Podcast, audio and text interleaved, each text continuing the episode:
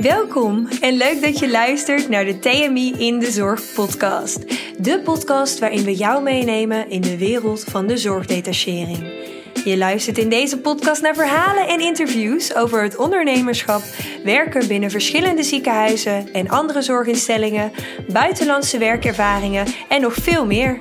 Mijn naam is Lisa Bens, recruiter bij TMI en graag neem ik je mee in de wereld van de zorgdetachering. Sinds 2014 zijn er in Nederland medisch hulpverleners die bachelorniveau zijn opgeleid werkzaam in de gezondheidszorg. Ze zijn actief binnen de acute, interventie of diagnostische zorg. Een medisch hulpverlener werkt onder supervisie van of in directe samenwerking met een medicus en is een waardevolle doelgroep die voor veel verlichting kan zorgen binnen de acute zorgsector. Een redelijk nieuw beroep in de huidige maatschappij waar veel over gesproken wordt. Wat houdt de term medisch hulpverlener nu precies in en hoe ziet de toekomst eruit? Dit bespreek ik samen met de voorzitter van de Nederlandse Vereniging Bachelor Medisch Hulpverleners, Ellen Schepens.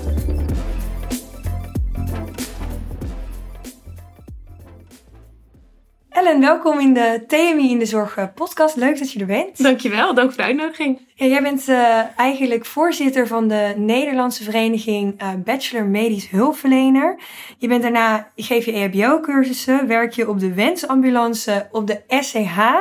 En daarnaast doe je ook nog eens iets in de als zangcarrière. Dus uh, je bent een hele drukke bezige bij. En dat vind ik leuk om te zien. En vandaag kan je mij eigenlijk alles vertellen aan onze luisteraars over het bachelor medisch hulpverlener um, traject. Hoe we het eigenlijk noemen. Dat klopt, ja. ja.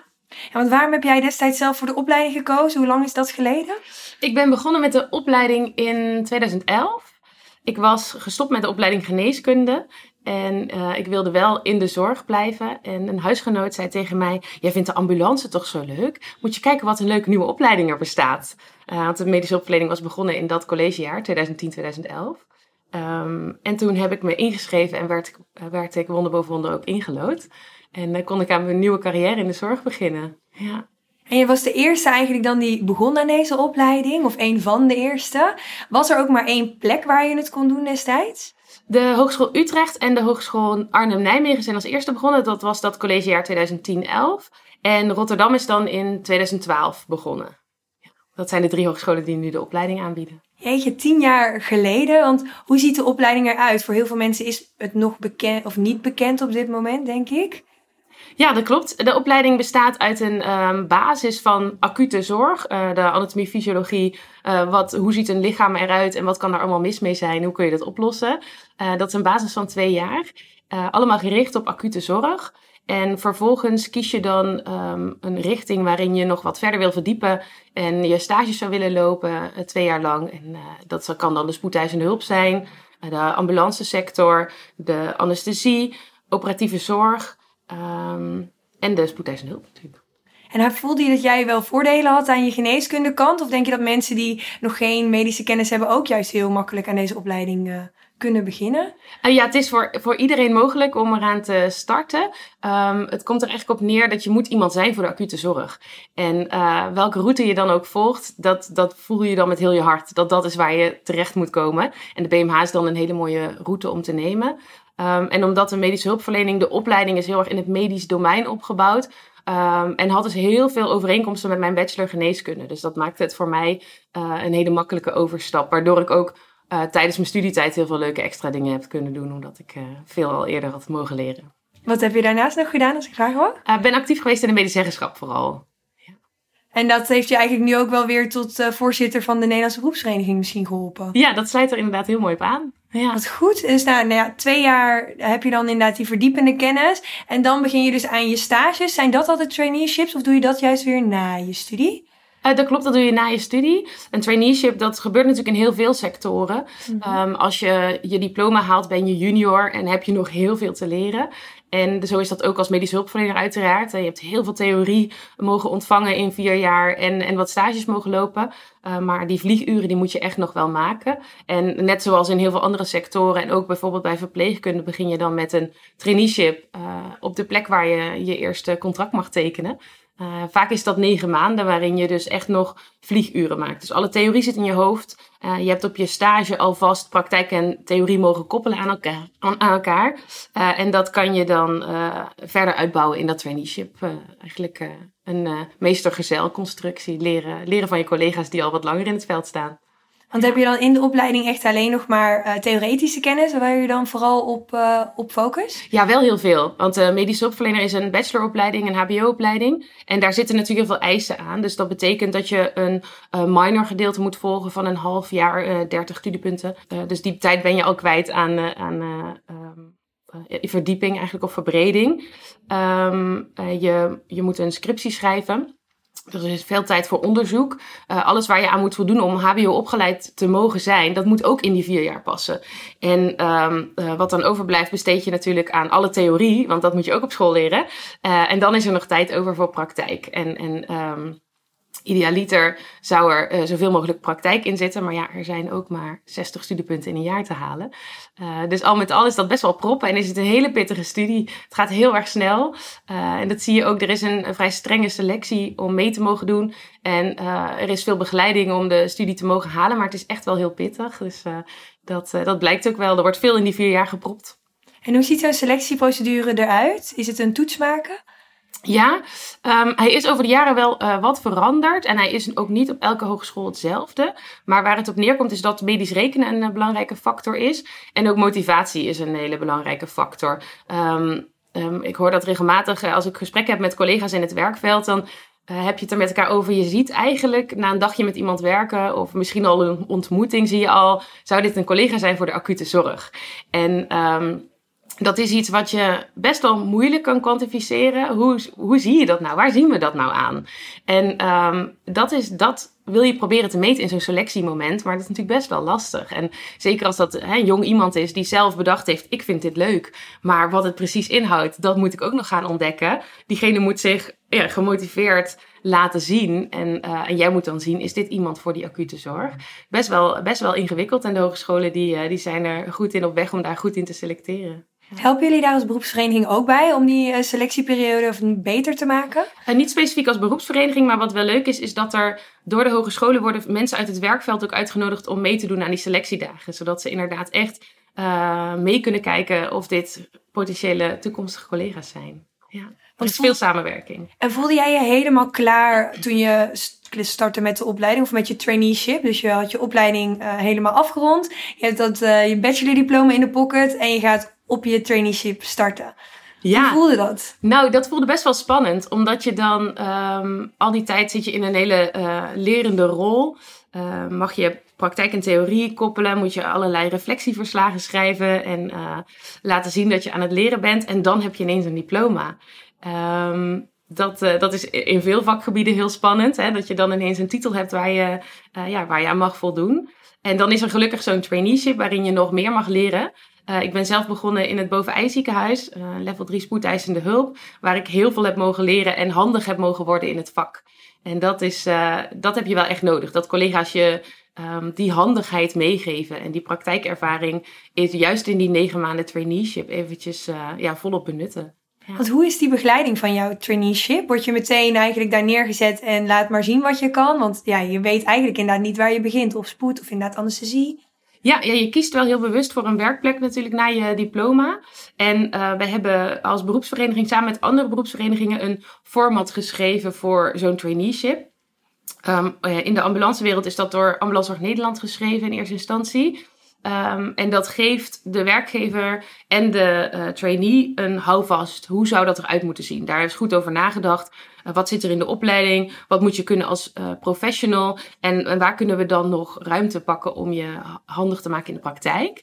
Um, dat hebben we voor de spoedeisende hulp ook kunnen doen, samen met de Vereniging voor Spoedeisende Hulpartsen en de Vereniging voor Spoedeisende Hulpverpleegkundigen. en dat kunnen ziekenhuis- en, en SCH-managers eigenlijk gebruiken om een uh, om toe te passen op een eigen spoedeisende hulp. En je ziet dat um, in de ambulancewereld um, kun je vrij vergelijkbaar werken in de verschillende regio's. Voor spoedeisende hulp is dat wel anders. Elke, elke spoedeisende hulp heeft echt zijn hele eigen uh, wereld en afspraken. Um, Daar wordt op elke plek weer heel anders gewerkt. Hè. Ligt er ook aan wat je allemaal kan in je ziekenhuis, wat er dus ook aan de voorkant binnenkomt.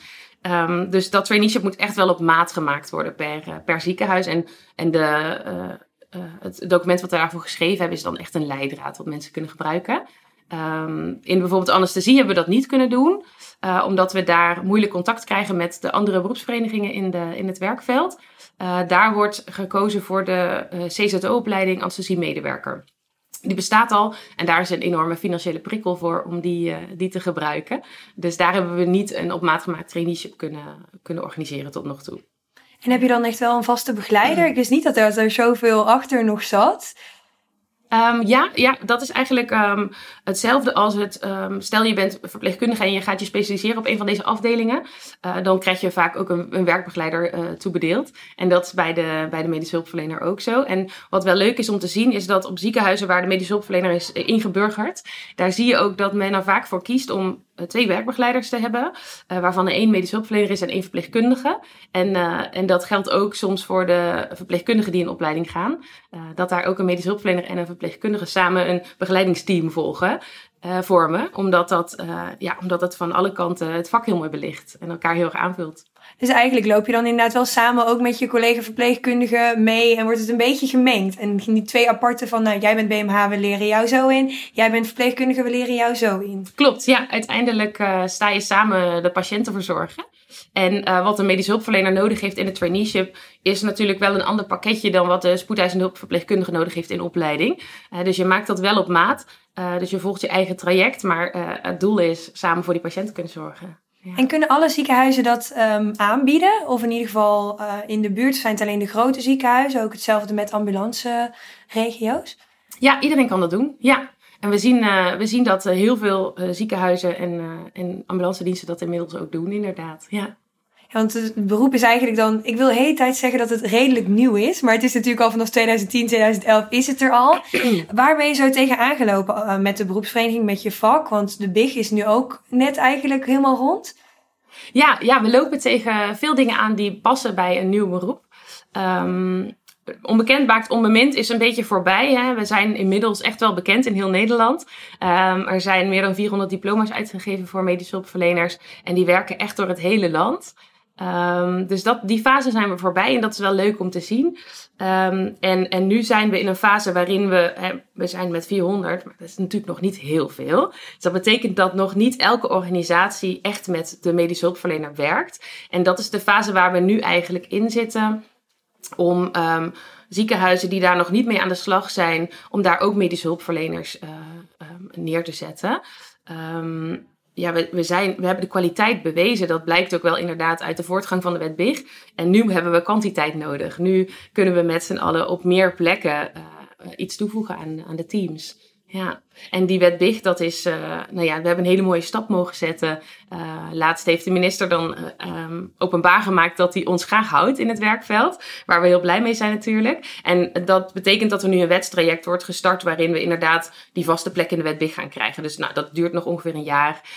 maar het voornemen is, geeft ons al heel veel hoop en vertrouwen en dat we op de goede weg zijn. Op dit moment ja. zijn jullie dus eigenlijk nog steeds een experiment tot 1 mei. En wat gebeurt er daarna? Ja, dan um, stopt het experiment en dat valt onder uh, artikel 36a van de wet BIG. Um, en helaas is er nog niet die nieuwe wet waar wij in staan. En dat zal artikel 3 worden, uh, net als de verpleegkundigen en de artsen die daarin staan. Um, maar ja, het ministerie was heel even afgeleid door uh, een pandemie. Dus ze zijn, ze zijn niet op tijd met dit wetsvoorstel gekomen. Dat betekent dat er een tussenperiode is straks. Dus op 1 mei um, ja, stopt het experiment en dus ook ons bestaan in de wet BIG en het BIG-register. Dus zitten we in een soort vacuüm. Dat is gelukkig geen probleem, want de wet BIG is eigenlijk een extra regelgeving bovenop alle regelgeving die er al is in Nederland. Dus uh, als de wet BIG wegvalt, is er nog voldoende basis over om ons werk te kunnen blijven doen. Dat heeft het ministerie ook gecommuniceerd aan de Tweede Kamer en dus ook aan de rest van Nederland daarmee. Um, uh, dat de medische hulpverlener onder artikel 35 en 38 van die wet BIG gewoon zijn werk kan blijven doen. En dat is wel heel prettig. Dat we uh, op 1 mei niet ons werk anders doen dan op uh, het einde van april, zeg maar. Um, dus we gaan gewoon door met ons werk, maar we zitten wel in een vacuüm. We, we zijn even niet op te zoeken in het BIG-register. Wat ons kwaliteitsregister nog wat belangrijker maakt voor de medische hulpverlener, want daarin laat je dus die kwaliteit wel zien. Ehm, en dan hopen wij dat er zo snel mogelijk wel die wet is. Dus dat is een traject van een jaar. En dat proberen we zo kort mogelijk te houden met alle mensen die daarmee gemoeid zijn en het ministerie. Zodat we snel op veilige bodem van dat artikel 3 staan. Maar wat wel heel belangrijk is om te zeggen is, die tussenperiode, die is niet zo spannend. Daarin kunnen wij gewoon ons werk doen zoals we nu ook doen. Dus alle bachelor medische hulpverleners kunnen inderdaad gewoon... hoeven niet bang te zijn dat ze op 1 mei allemaal het ziekenhuis gezet... Uh, of de ambu uitgezet uh, worden omdat ze geen big meer hebben. Klopt, ze zijn nog even hard nodig en kunnen gewoon hun werk doen omdat ze ontzettend bekwaam zijn. En met verdere scholingen, dan, daar ga je nog naar kijken als de big blijft. Want je hebt natuurlijk bepaalde punten nodig. Zijn jullie daar nu ook al mee bezig? Hoe je dat dan gaat verder inrichten? Ja, zeker. Ja, wij hebben een uh, kwaliteitsregister als uh, beroepsvereniging. Die hebben we opgericht omdat uh, de medische hulpverlener is in 2014 het werkveld ingekomen. En in, pas in 2017 is, zijn wij in een experimenteerartikel van de wet BIG gekomen. En het advies van het ministerie was om een kwaliteitsregister op te richten, om uh, het stukje BIG-register op te vangen. Uh, dus daar zijn we enthousiast mee begonnen. En dat kwaliteitsregister dat, dat bestaat bij meer uh, beroepsverenigingen. Dat betekent dat je je inschrijft als professional. Dat je daarmee met je diplomering, je levert je diploma in als je laat zien, ik heb, een, ik heb het niveau van deze professional.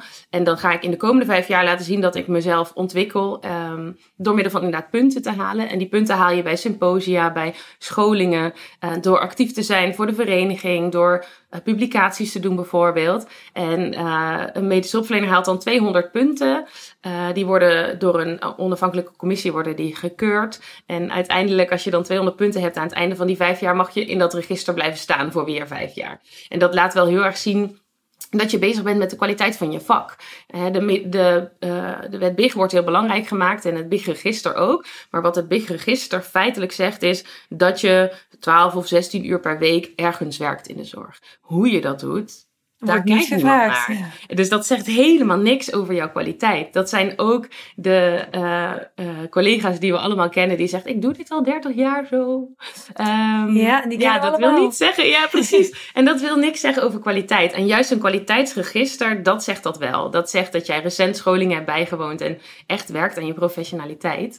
En dat, uh, dat zie je bij BMH'ers ook wel heel erg terug, dat ze, dat ze daarin investeren. Want lijkt ja. het op een VNVN bijvoorbeeld, die voor verpleegkundigen, of werken jullie daarmee samen of bewust niet voor gekomen? Ja, we zijn eigenlijk een soort gelijke vereniging. Uiteraard uh, een flinke slag kleiner. Uh, want er zijn veel meer uh, verpleegkundigen en verzorgenden in Nederland dan medische hulpverleners. Maar we zijn een vergelijkbare organisatie. We proberen ook echt wel die samenwerking op te zoeken. We merken ook dat daar, um, dat daar veel wrijving is. Toch nog in die onbekendheid lukt het niet altijd om samen aan tafel te zitten en het te hebben over ons als nieuwe professional in dat werkveld. Wat betekent dat nou? Um, waar lopen we dan tegenaan? Wat zijn de kansen en wat zijn de uh, uitdagingen? Um, wij, wij gaan daar heel graag over in gesprek. Wij praten heel graag over ons beroep natuurlijk. Uh, en we zien dat dat bij andere beroepsverenigingen nog niet altijd wordt beantwoord. Dus uh, in uh, het delen van bijvoorbeeld de VN-VN hebben we goed contact, andere delen nog wat minder mee. Dus, Zelfs ook ja. met de anesthesie inderdaad, dat je daar dan nog net wat minder contact mee krijgt dan je nu al met de SCH en de ambulance hebt geregeld natuurlijk. Precies, ja, je ziet echt veel verschil tussen de werkvelden, um, hoe welkom we zijn eigenlijk, ja. Want heb je nog ergens dat je denkt van waarom, waarom zit daar die reden achter dat je dan niet welkom? Dat is eigenlijk onbekendheid, dat is eigenlijk de enige reden, want... Ja, ja, en ik ben dus heel benieuwd ook naar die reden. Ik ga daar heel graag over in gesprek. Uh, maar dan moeten we dus in eerste instantie dat in gesprek gaan. gaan. Ja, ja, ja, dus daar, uh, daar zetten we ook heel erg op in om iedereen te leren kennen. Omdat ook wij, we beseffen ons heel erg dat we een lerende beroepsgroep zijn. En we weten wat we waard zijn inmiddels. Um, en gelukkig wordt dat ook gezien. Hè? Dat zie je aan het, aan het wedstraject. Um, maar we willen ook heel graag leren en, en zien inderdaad waar de knelpunten zitten en het daar samen over hebben. Uh, want uiteindelijk is het doel natuurlijk zorg verlenen voor al die patiënten in de acute zorg. En dat doen we echt samen. En dat zie je dat dat op de werkvloer heel erg goed gaat. Hè? Dat we dat echt samen doen. En dat daar, um, dat daar in harmonie wordt samengewerkt. Uh, in de uh, is dat soms nog wat minder. Ja. Ik vind het wel mooi om te zien dat, dat je als je een jonge beroepsvereniging bent, dan heb je echt weer een frisse blik op de, al de oude uh, regels eigenlijk. Want iedereen zit heel erg vastgeroest misschien in een bepaald idee. Terwijl jullie heel erg openstaan van nou we willen praten en kom met jullie inzichten en dan gaan we kijken hoe we dan wel met de neuzen dezelfde kant op kunnen gaan. Ja, absoluut. Want ik zag op LinkedIn ook een duaalopleiding langskomen. Dat is ook iets nieuws waar jullie dan nu mee bezig zijn. Hoe zit dat precies? Ja, dat is een initiatief van de Hogeschool Utrecht. En echt een heel mooi initiatief. Dat dat uh, is een opleiding, een duale variant. En dat betekent dat je werkt en daarbij leert. En um, dat is speciaal opgericht voor um, ambulancechauffeurs. Um, die de interesse hebben om eigenlijk ja, een stoeltje op te schrijven in de cabine van die ambulance. En we zien dat de eerste groep is nu uh, aan het afstuderen. En dat is, ja, het is fantastisch om te zien, want zijn mensen met enorm veel werkervaring. Uh, vaak ook al ervaring in een heel ander gebied voordat ze ambulancechauffeur werden. En dan als ambulancechauffeur in het veld hebben ze enorm veel ervaring opgedaan. En met die ervaring ga je dan alle theorie van de medische hulpverlener in je opnemen. En dat is echt fantastisch om te zien hoe dat samenkomt in deze mensen. En uh, de eerste duale medische hulpverleners, nou inmiddels collega's dus, die zijn nu uh, zelfstandig op de auto gestart. En dat, ja, dat is fantastisch om te zien om die mensen onze collega te mogen noemen. Ja. je breekt wel echt een heel mooi stuk aan. Want inderdaad, de ambulancechauffeur is in Nederland echt geen chauffeur. Dat is gewoon, die helpt mee op de auto. Dus om dan dat stoeltje naast te schuiven, was eigenlijk voorheen altijd echt onmogelijk. Ja, dat was een hele lange weg. Ja, als je inderdaad wist, dat zou ik wel willen, dan, uh, dan, dan zou je verpleegkunde moeten studeren. Uh, vaak wordt er dan gevraagd om inderdaad op een afdeling te werken, vervolgens een specialistische opleiding te doen en dan weer terug te komen op die ambulance. Terwijl je ja, met het juiste pakketje kennis uh, ben je echt perfect geschikt om, om gauw die stoel op te schrijven, inderdaad. En het, uh, en tekorten op te lossen ook. Ja. En hoe kijken jullie verder naar de duale toekomst voor BMH? Zouden er ook andere disciplines bij kunnen komen? Of is dat juist weer lastiger, omdat je dan nog niet die kennis hebt in het begin? Ja, daar wordt wel over nagedacht om de, opleiding, de duale opleiding ook open te stellen voor niet-ambulancechauffeurs. Um, ik ben heel benieuwd hoe zich dat ontwikkelt. Dat is uh, uh, de Hogeschool Utrecht, die gaat daarmee aan de slag. Die, uh, die begeleidt die mensen tot aan het diploma, waar ze de kwaliteiten hebben om het werkveld in te gaan. En um, ik ben heel benieuwd met wat voor um, vooropleiding of, of ervaringstraject je dit allemaal zou aankunnen. Maar ja, ik denk dat iedereen die passie heeft voor acute zorg en het niveau heeft om het te kunnen leren, die dat zou dit moeten kunnen doen. Ja. ja. Want hoe kijk je nu zelf? Je hebt vijf jaar ervaring. Uh, je ziet je eigenlijk, denk ik, na zo'n traineeship wel als een volwaardig SCH in jouw geval verpleegkundige. Uh, ja, nou, ik um, uh, merkte wel dat ik op het moment dat ik diplomeerde, dat is nu vijf jaar geleden, toen dacht ik bij mezelf, als ik morgen nu wakker zou worden met vijf jaar ervaring, dat zou echt lekker zijn. Want je weet wel dat je echt nog heel veel te leren hebt. En uh, dat je ook echt heel veel meebrengt hè, en dat je prima voor je patiënten kan zorgen. Maar tegelijkertijd weet je dat er, ja, ben je eigenlijk heel bewust onbekwaam. En um, inmiddels ben ik vijf jaar aan het werk en kan ik beamen dat dat een stuk relaxter voelt dan uh, die eerste maand dat ik aan het werk was. Uh, maar je groeit daar echt langzaam in. Het is echt een, een praktisch vak en je wordt echt elke dag beter in je vak en dat maakt het ook leuk. En daarin kan je als medisch hulpverlener en, en, en nou ja, ook verpleegkundig collega je ambitie kwijt in die acute zorg. Omdat het, het is een werkveld wat heel snel gaat en waar je eigenlijk elke dag weer bij leert. En dan weet je dus ook dat je het voorlopig nog niet moe bent om in die acute zorg te werken.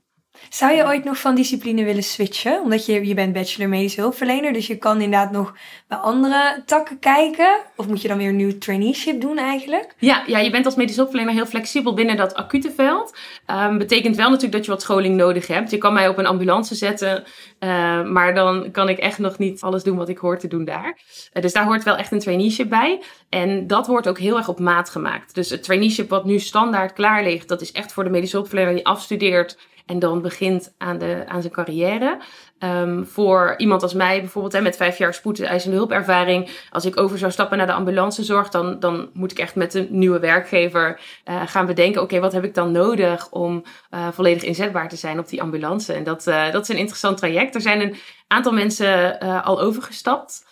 En die hebben dat ook met maatwerk heel goed voor elkaar kunnen krijgen. Ja, het is, uiteindelijk is die brede basis in de acute zorg is zo'n stevige bodem om je te bewegen eigenlijk door dat acute veld. Ja, dat zie je ook landelijk gebeuren, dat we dat met alle disciplines, um, dat dat heel erg gewenst is. En, en het vak ook interessant houdt. Dat je op verschillende plekken die patiënt kan tegenkomen. Want je moet wel veel initiatief hebben om ja, zelf het gesprek aan te gaan bij inderdaad weer de ambulancezorg. Want word je daar ook nog via je opleidingen in begeleid, zeg maar, als je gaat vanuit je school komt naar welk ziekenhuis je gaat? Want je kunt overal solliciteren, maar misschien kom je niet overal meteen binnen. Ja, nou het leuke is dat het is heel moeilijk om stageplaatsen te vinden. Maar als je eenmaal je diploma hebt, dan kan je morgen aan het werk zijn. Uh, dat is al een tijdje zo. Um, om, ook omdat we met niet zoveel zijn natuurlijk, maar en er veel tekorten zijn. Um, als je eenmaal dat diploma op zak hebt, ben je bijna overal wel welkom. Mhm. Dus dat is wel heel leuk om te zien. Um, voor stageplaatsen is dat nog wat minder. Dus het zou mooi zijn als uh, ziekenhuizen en uh, ambulance diensten die daar nog niet hè, volledig op inzetten. Want er zijn er ook een aantal die echt heel veel mhm. stagiaires opleiden. Um, dat, dat die daar wat meer ruimte voor maken. Want uiteindelijk is er heel veel potentie, ook in aantallen, uh, van mensen die medische hulpverlening willen studeren. En dat, dat wordt nu echt beperkt door het aantal stageplaatsen dat er aangeboden wordt. En dat ligt echt in het werkveld. Als die meer stageplaatsen aanbieden, dan kunnen de hogescholen meer mensen opleiden. En kunnen we sneller de tekorten oplossen. Waardoor denk je dat dat komt, dat er zoveel tekorten zijn aan stageplekken? Om de, dat dat zorgdruk al zo groot is dat daar geen tijd voor is? Want SCH-verpleegkundigen moeten natuurlijk ook gewoon opgeleid worden. Ja, absoluut. Ja. Dus er, um, de werkdruk is heel hoog. En omdat er tekorten zijn, is er ook minder tijd om goed te begeleiden uiteindelijk verdient iedereen natuurlijk een goed begeleidingstraject. Anders dan zit je jezelf in de weg en word je niet de professional die je kan zijn. dus het is ook wel belangrijk om daar tijd voor te nemen en uh, niet meer stageplaatsen uit te geven dan je uh, goed kan uitvoeren. Maar dat is wel waar we op stuk lopen, inderdaad. Dat, um, ja, dat, dat je elke dag zo vreselijk druk bent met die patiëntenstroom. Dat begeleider erbij inschiet en dat je um, dat nou, degene die kiezen voor hoeveel stageplaatsen gaan we aanbieden, ja, ook zorg moeten dragen voor het team. Dat die niet overbelast raken. Want uiteindelijk vallen er dan alleen maar meer mensen om als je dat, uh, als je dat zou overbelasten. Ja, dus daar zit het hem echt in. En dat zie je in, um, niet alleen voor de medische hulpverlener, dat zie je ook op verpleegkunde zitten ook veel studenten op een stage te wachten. En in andere werkvelden in de zorg ook, ja. Want heb je als je een traineeship gaat doen, um, zitten daar nog kosten aan verbonden voor jezelf? Of heb je dan weer een uitwerktraject bij het ziekenhuis waar je dat dan doet? Want dat zie je vaak ook bijvoorbeeld als je inderdaad een specialisatie gaat doen. Ja, um, daar zijn in principe geen kosten aan verbonden.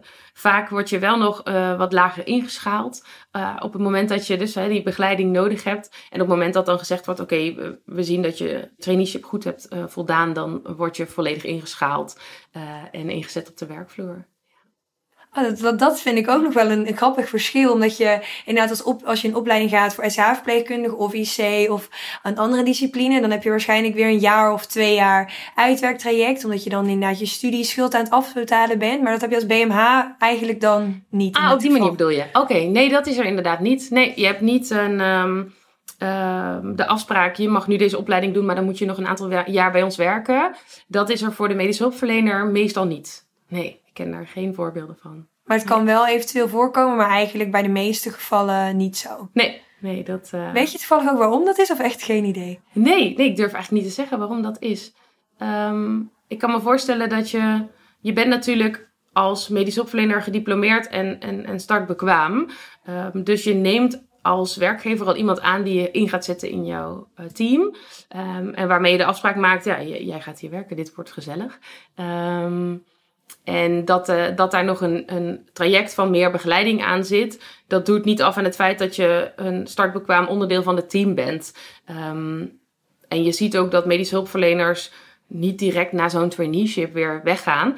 Je kan je voorstellen, als je dat traineeship hebt gedaan in één ziekenhuis, heel veel van dat traineeship is ook het leren kennen van dat ziekenhuis.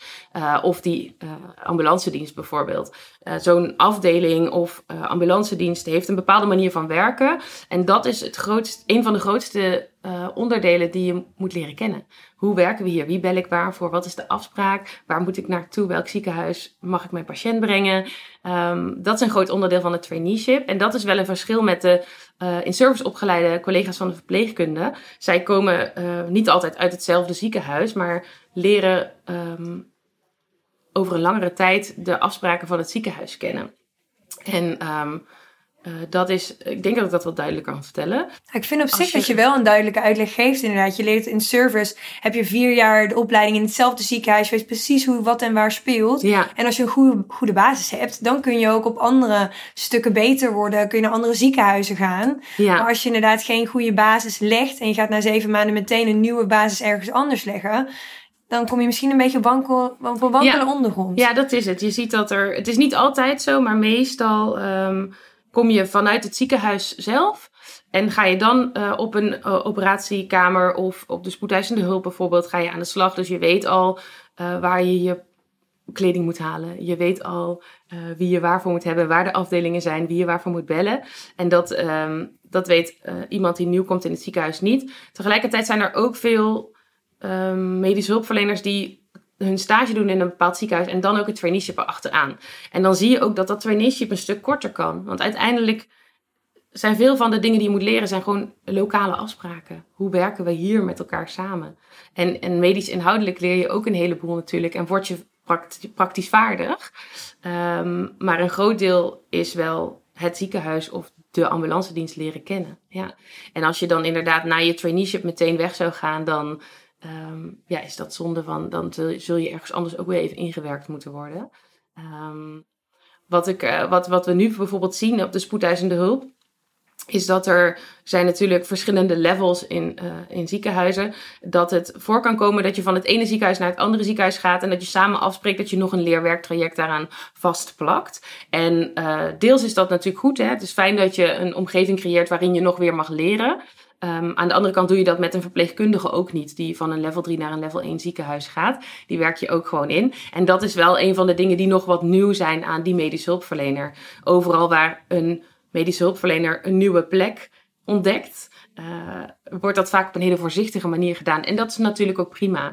Uiteindelijk leer je elkaar kennen, weet je wat je aan elkaar hebt. En als je dan ehm, eenmaal weet, oké, wat voor kader heb ik hier met die medische hulpverleners? Wat is dat voor, eh, wat is dat voor ehm, eh, eh, pakketje?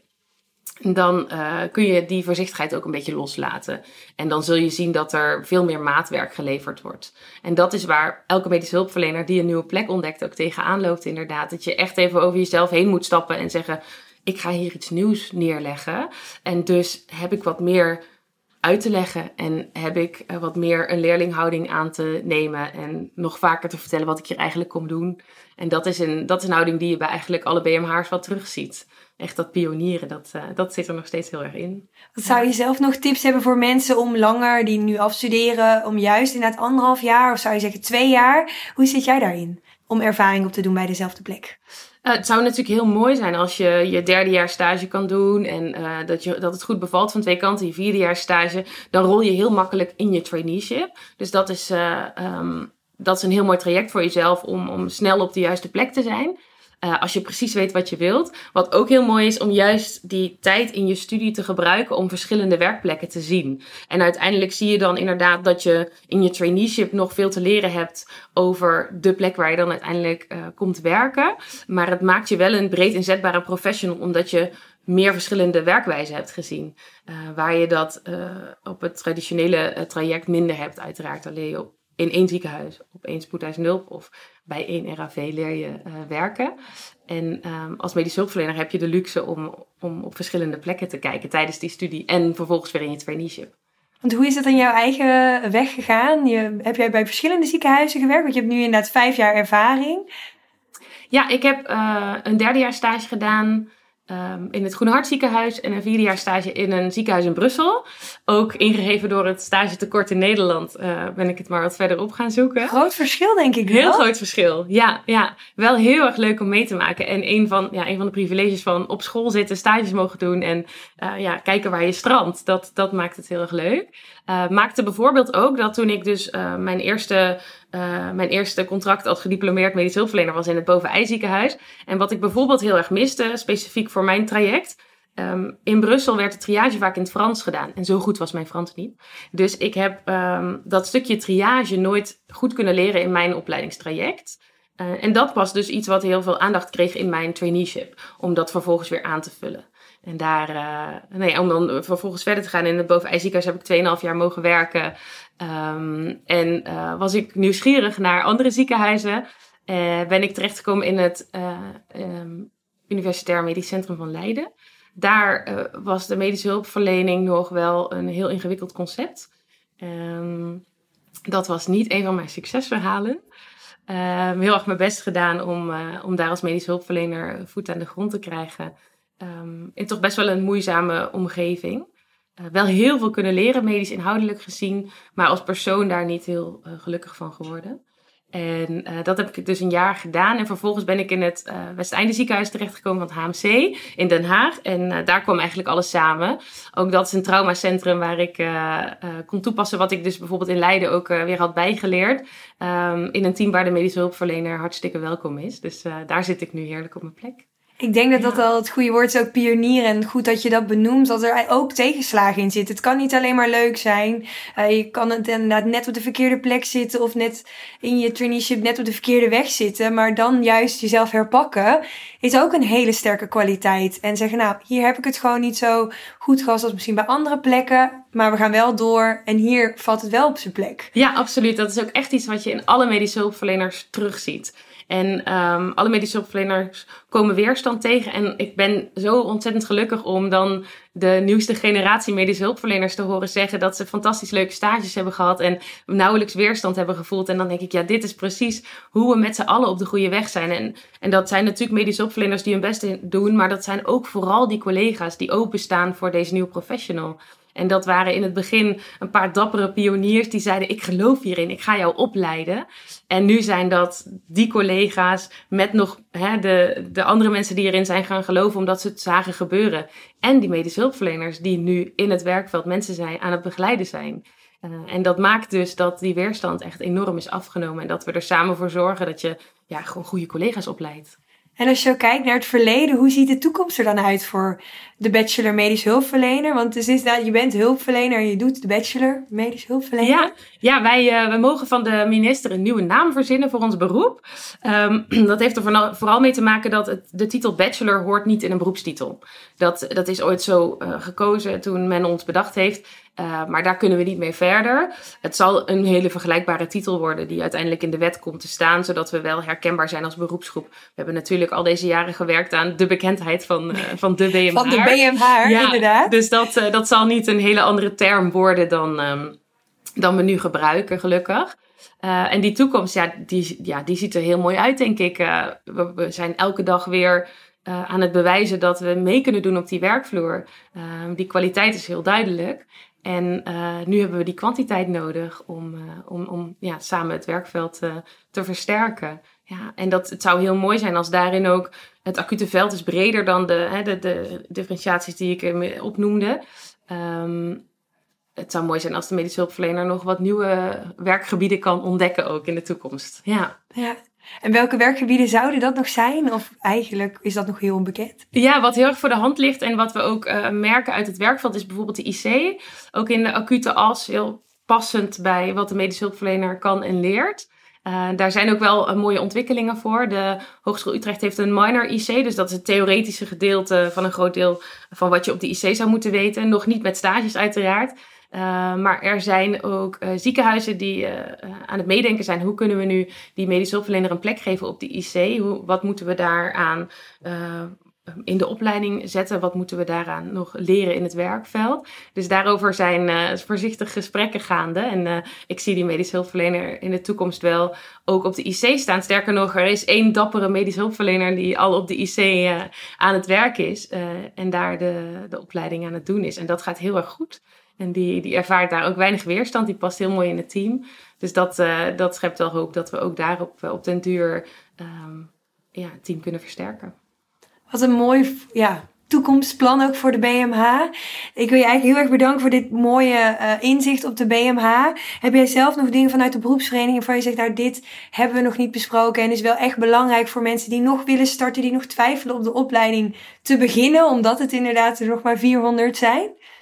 Ja, nou ja, het animo voor de, voor de opleiding is enorm. Er zijn 1500 aanmeldingen uh, landelijk voor de opleiding elk jaar. En de instroom is dus echt heel erg laag. Enkele tientallen mensen worden uh, aangenomen landelijk gezien per jaar. En dat ligt dus echt aan die stageplaatsen. Dus ja, ik zou heel graag de oproep herhalen aan het werkveld. Zorg dat je die nieuwe collega's opleidt, uh, want ze staan te trappelen om, om mee te doen. En um, ik denk dat je, ja, het is, het is een hele mooie route voor mensen die weten dat die acute zorg, dat daar hun passie ligt. En niet iedereen weet dat. Hè? Dus je, je kan in het, in het zorglandschap gelukkig heel veel verschillende dingen gaan doen. En uiteindelijk terechtkomen in die acute zorg. Maar ja, soms weet je het gewoon al. dan denk je, dit is waar ik moet gaan werken. En dan is de medische hulpverlening een hele mooie route. Nou, ik hoop dat de meeste mensen die nu luisteren gewoon eindelijk naar de oproepen ja, een gehoor geven. En dat er nog veel meer bachelor medische hulpverleners of een andere naam kunnen starten in het nieuwe jaar. Dat zou heel mooi zijn. Dankjewel.